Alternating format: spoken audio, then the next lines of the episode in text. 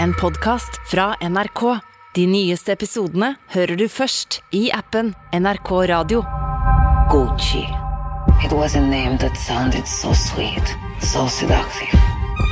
De siste ukene har det italienske luksusmerket Gucci, et av verdens største motehus, fått masse oppmerksomhet.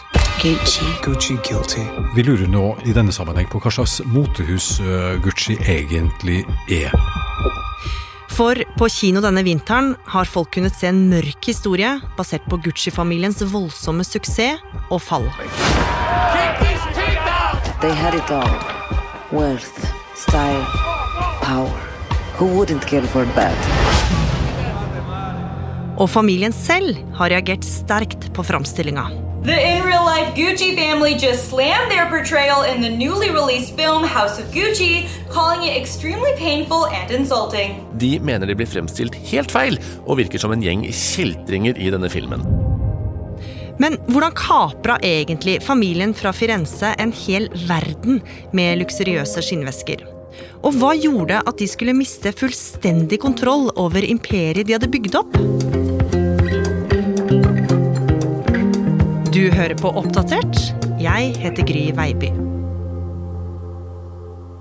For ikke så lenge siden så hadde en spillefilm premiere på kino over hele verden. Og den hadde flere store stjerner i seg, annet Lady Gaga, Adam Driver og Al Pacino. Kaja Kirsebom er journalist i Oppdatert. Og denne filmen, House of Gucci, den fikk ganske blanda tilbakemeldinger da den kom, men det skulle vise seg at noen var langt mer skuffa enn andre. Ja, for familien Gucci de likte ikke filmen. For den viser jo fram en familiehistorie utenom det vanlige. En eh, historie om hevn, kjærlighet, svik og til og med drap. Det stemmer, fordi denne familien de syntes at slektningene deres var blitt portrettert på en krenkende måte.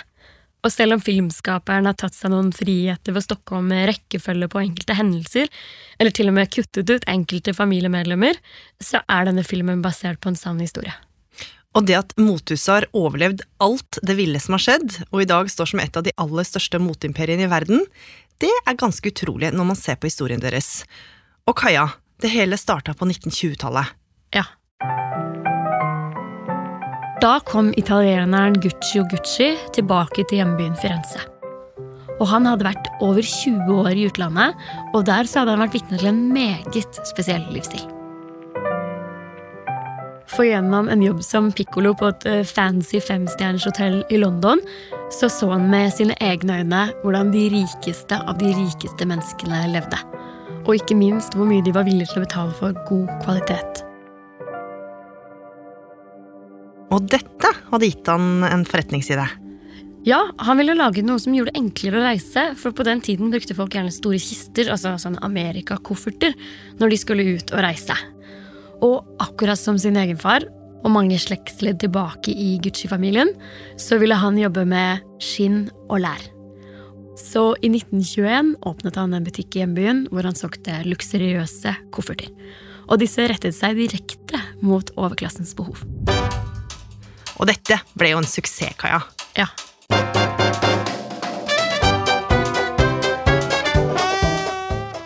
Det stoppet jo ikke der, fordi Gucci og Gucci han må jo ha kjent til suksessen som franske motus sånn som Chanel og Hermes hadde med å selge dyre håndvesker. Og han kunne jo sikkert da tenke seg at dette var noe italienske kvinner også ville ha. Så i 1937 så lagde han den første Gucci-håndvesken. Og dette slo virkelig an. Men så skjedde det mange ting i verden som gjorde at italieneren måtte tenke annerledes, Kaja. Ja, for da kom det egentlig fram hvor stort forretningstalent han egentlig var. Under og etter andre verdenskrig så manglet man varer og materialer over hele verden. Og istedenfor å gi opp, så begynte han å tenke utenfor boksen. Og dette spurte jeg Ingeborg Hedland om, som er redaktør i motebladet KK. De må tenke nytt. Så i mangel på skinn så uh, kjøper de da inn det de kan få tak i, uh, og det er canvas. Canvas er altså et grovt, ganske lite elegant lerretstoff, rett og slett, som man egentlig ikke skulle tro kunne bli fantastiske vesker. Og eh, det oppstår faktisk også noe annet veldig interessant og ikonisk med Gucci i denne tida her hvor materialmangelen er stor. Det er at de klarer å få tak i bambus. De importerer bambus eh, som de da bruker til å lage hanker til noen av veskene sine. Og det er da den litt sånn myke bambusen som lar seg bøye. Og så får du da de treaktige, veldig elegante, helt spesielle hankene på noen av veskene, som eh, er nesten like ikonisk som dobbel G-en.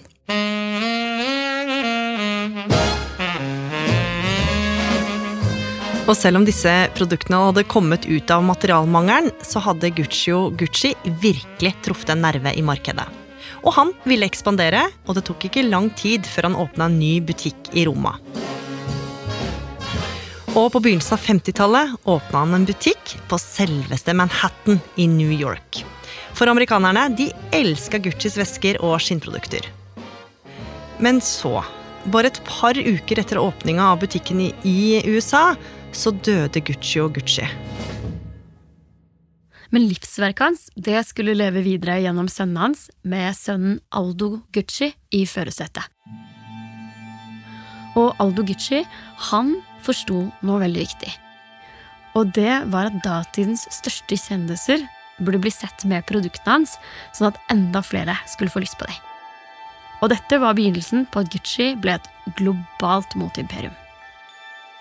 Gucci ble eh, etter hvert et eh, veldig populært merke blant de mest eh, toneangivende kvinnene i hele verden. Og da snakker vi helt opp i kongehus. Altså. Blant annet så lagde Gucci et silkeskjerf med blomstertrykk som de forærte i gave til Grace Kelly når hun etter hvert ble fyrstinne av Monaco. Og noe særlig høyere opp i motehierarkiet enn fyrstinne av Monaco er det vanskelig å komme på den tida. Uh, Jackie Kennedy var også stor fan av Gucci og ble ofte sett med en, en Gucci-veske på armen. Og en av veskene ble også oppkalt etter henne, så det fins en veske som da heter Jackie. Uh, også blitt sett på armen til uh, dronning Elisabeth. The, the Jackie bag. Gucci. Så nå tok virkelig Gucci verdensmarkedet med storm. Og de ekspanderte med nye butikker fra metropol til metropol. Familien Gucci var blitt noe så sjeldent som et verdensfenomen, Kaja. Ja. Men det var noen skjær i sjøen. For Aldo Gucci han begynte å dra på åra, og han hadde jo styrt dette familieimperiet i nesten to tiår. Med god hjelp fra samtlige familiemedlemmer, i hvert fall de mannlige. We are like a an Italian trattoria. The whole family is in the kitchen. And so we are. Så nå var det på tide at gamle Aldo så seg om etter en arvtaker. Men da valgte han å gjøre noe som skulle få store konsekvenser for selskapet. Ja, fordi i motsetning til det som kunne virke som at var tradisjonen i Gucci-familien, altså at sønnen overtok sjefsjobb etter far, så hadde Aldo en helt annen plan. Han pekte på nevøen sin som en mulig arvtaker, som en han kunne forme, og som en dag kanskje kunne ta over imperiet. Og det skulle vise seg å bli et skjebnesvangert valg. Fortell om denne nevøen, Kaja. Han het Maurizio Gucci. Han var 23 år og hadde nylig fullført en universitetsgrad i juss. Og på dette tidspunktet, altså i 1971, så mente onkel Ado at Maurizio var riktig person til å fylle den travle direktørjobben. Så Aldo, nå var han villig til å gi nevøen mulighet til å bli den neste arvtakeren i Gucci-imperiet. Men Maurizio Gucci hadde jo gitt uttrykk for at han egentlig var ganske uinteressert i familiebedriften. Han var mest interessert i en dame, han. Ja, og denne kjæresten, Patricia Reggiani, hun var også i begynnelsen av 20-årene og ble lagt merke til av mange. Hun lignet ganske mye på skuespillerinnen Elizabeth Taylor med sitt mørke hår, som var veldig oppsatt, og hun hadde også en ganske sånn markert øyensminke. Og så var hun også sånn type som hadde veldig lett for å sosialisere med folk. Men det var jo ikke alle som eh, blei like betatt eh, av Patricia. Nei, for da Mauricio introduserte den nye kjæresten for sin verdensvante og elegante far, gjorde han det tydelig at det virket som at hun ikke var på jakt etter noe annet enn status eller tenkte på annet enn penger. Altså med andre ord som en gold digger.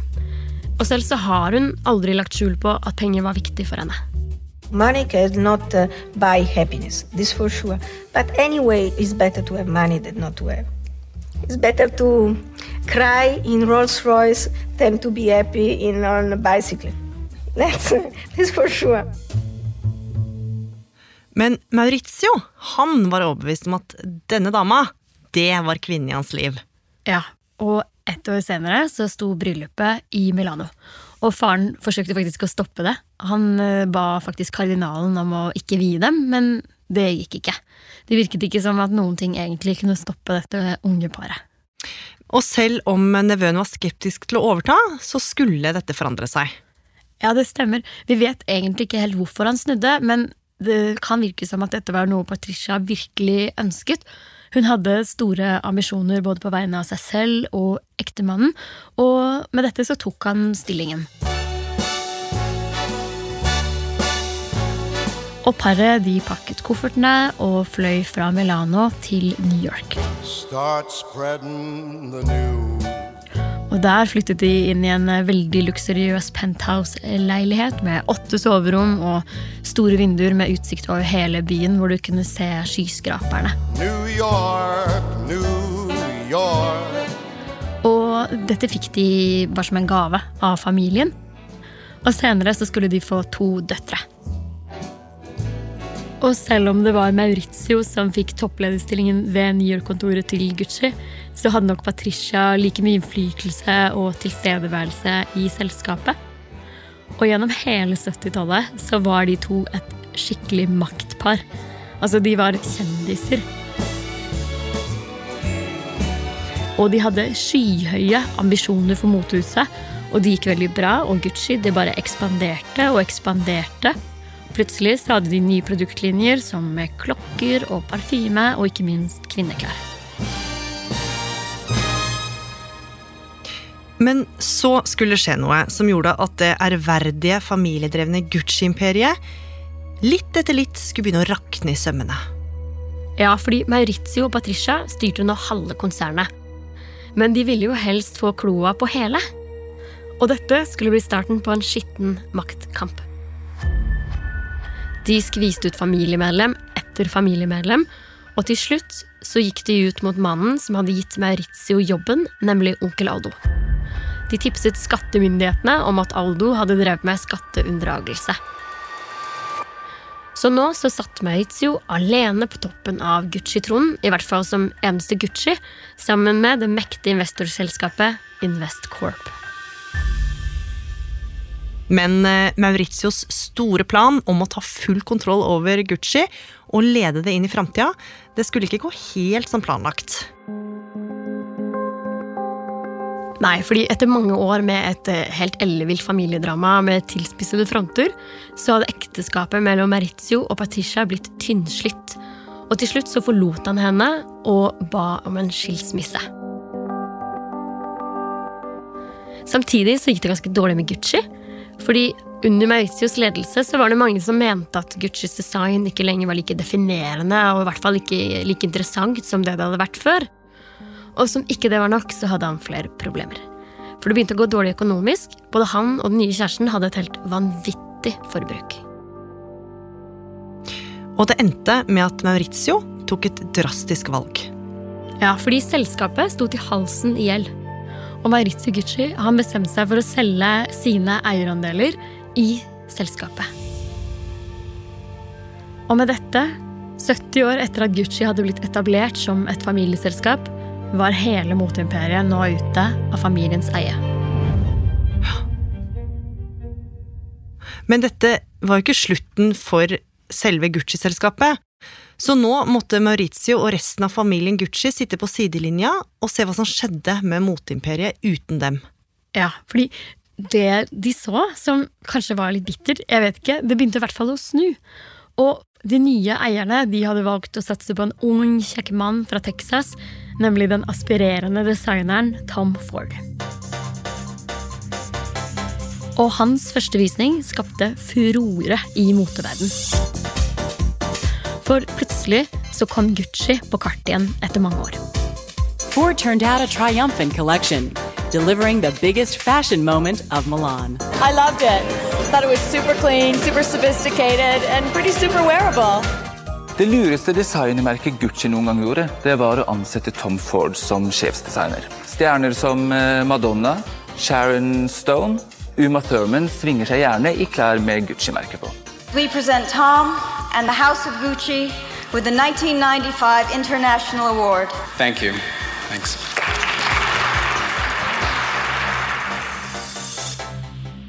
Og Ingeborg Heldal fortalte at Tom Ford tok Gucci i en helt ny og uventet retning. Det Tom Ford uh, gjorde, som, som, jo bryter litt med måten familien jobba på, sånn som jeg ser det, var at han hadde ikke historien. Han hadde ikke den arven, tyngden av den arven på skuldrene sine. Han kunne leke med materialer, med uttrykk, med logoen, med det som var Gucci, og så uh, legge på nye ting. Sant? Materialer de aldri hadde brukt før. Han kom med, med skinn og med fløyel og gjorde det mer glamorøst og spennende. Og så var var jo Tom Ford en av de første som lekte ordentlig med, med kjønnsroller. Sant? At han hadde veldig androgynt uttrykk i mange av plaggene sine. Og så får han jo også æren for å tilbake motekampanjen, som egentlig var litt død eh, da midt på 90-tallet. Ingen visste helt eh, hvor de skulle. Vi kom fra 80-tallet med sånn superglamorøse modeller. Hadde gått via liksom Calvin Klein og litt sånn sur, mutt, blek Kate Moss. Hvor skal vi med motekampanjen? Og så kommer Tom Ford og revitaliserer den og blir grunnen til at Gucci i dag er liksom verdens mest suksessrike motehus. Og mens Tom Ford tok Gucci til nye høyder, så gikk det stadig dårligere for familien Gucci. Og spesielt for Maurizio og Patricia. For selv om Patricia endelig hadde underskrevet skilsmissepapirene, så var hun aldri langt unna. Flere år etter bruddet så var Patricia fortsatt rasende fordi hun var blitt verdenskjent i rollen som en Gucci. Og man kan jo tenke seg at hun følte at identiteten hennes var blitt tatt fra henne. Og ved jevne mellomrom så ringte Patricia eksmannen og trua ham på livet. Men han var egentlig ikke så veldig bekymra, fordi de to hadde jo to felles døtre sammen, og han tenkte egentlig at dette kom til å gå over. Men det skulle vise seg å ikke stemme. Nei. For en rolig vårdag i 1995 var Maurizio på vei inn til kontoret sitt. Og rundt klokka halv ni den morgenen kom han ruslende med noen motemagasiner under armen, og akkurat idet dørvakta ønsket han en god morgen, så kom det en mann gående med en pistol i hånda. Og han skjøt Maurizio tre ganger i ryggen og det siste skuddet traff Maurizio i hodet. Og dørvakta han ble også skutt i armen, men løp til for å hjelpe Maurizio. Og mens de ventet på politiet, så døde Maurizio i armene til dørvakta.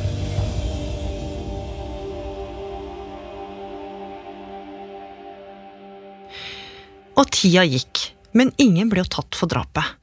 Nei. Men så en dag fikk politiet et tips. Og dette førte til at de avlytta telefonen til Mauricios ekskone, altså Patricia. Og med det fikk politiet et gjennombrudd. For i telefonsamtaler avslørte Patricia at det var hun som hadde bestilt drapet på Maurizio. Og mediene og sladrepressen de fulgte selvsagt denne saken tett, og omdøpte Patricia til Den sorte enke. Altså som edderkoppen som tar livet av partneren sin. Og da dommen falt, konkluderte dommeren med at motivet var en god blanding av sjalusi, penger og hat mot eksmannen. Patricia skal også ha vært rasende fordi han hadde solgt familien ut av Gucci, et selskap hun hadde vært sterkt tilstedeværende i. Det hele endte med at hun fikk en dom på 29 års fengsel. Og i senere tid så har hun jo snakket om dette drapet i media. When I received the telephone call of my nanny, saying that Maurizio was shot, I was very happy because all my problems were gone.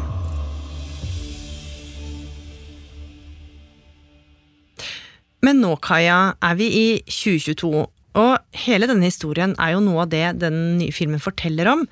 Men hva er det egentlig familien har reagert sånn på? Først og fremst så har de vært veldig fornærma. De har jo ikke utelukket at det kan bli aktuelt med et søksmål i fremtiden. Og de opplevde at medlemmer i Gucci-familien ble portrettert som kjeltringer, som ignorante og ufølsomme, egentlig for en hel verden. De mente også at Patricia Regiani skal ha blitt fremstilt som et offer for en veldig mannsdominert og sjåvinistisk kultur, og dette mener de at det er veldig langt fra sannheten. Men nå som vi har hørt historien om Gucci, så kan man jo få inntrykk av at det var sånn de var. Eller har filmen tatt seg for mange friheter i forhold til det som faktisk skjedde? Filmen har jo absolutt tatt seg dramaturgiske friheter. altså Tidslinjene stemmer ikke nødvendigvis alltid overens, og det er mange, mye av handlingen og karakterene som har blitt uh, ganske forenklet. Men så har det jo kommet mange sånne her filmer i det siste som portretterer virkelig menneskers liv. Og med mindre man har vært der, så vet man jo egentlig ikke hva som har foregått. Så det kan jo hende at mange samtaler og reaksjoner har blitt endret på, og at relasjonene kan være misvisende. Mm. Og KK-redaktør Ingeborg Heldal mener jo at filmen lett lar seg forsvare. Jeg syns det er en historie verden godt kan få høre. Altså, vi kan jo ikke eh, liksom feie under teppet at det som nå er verdens eh, største og mest etterspurte motemerke, har den dramatiske historien som, som, de har. Alle lurer på hvor ting kommer fra. Folk som er opptatt av mote, er jo like nysgjerrig på historien til Yves Saint Laurent eller Coco Chanel. Det er jo lagd filmer om de også, eh, hvor etterkommerne kanskje ikke syns alle detaljene som kommer fram, er like, like hyggelige. Men eh, jeg syns, jeg syns ikke noe etisk problematisk i å fortelle historien om Gucci.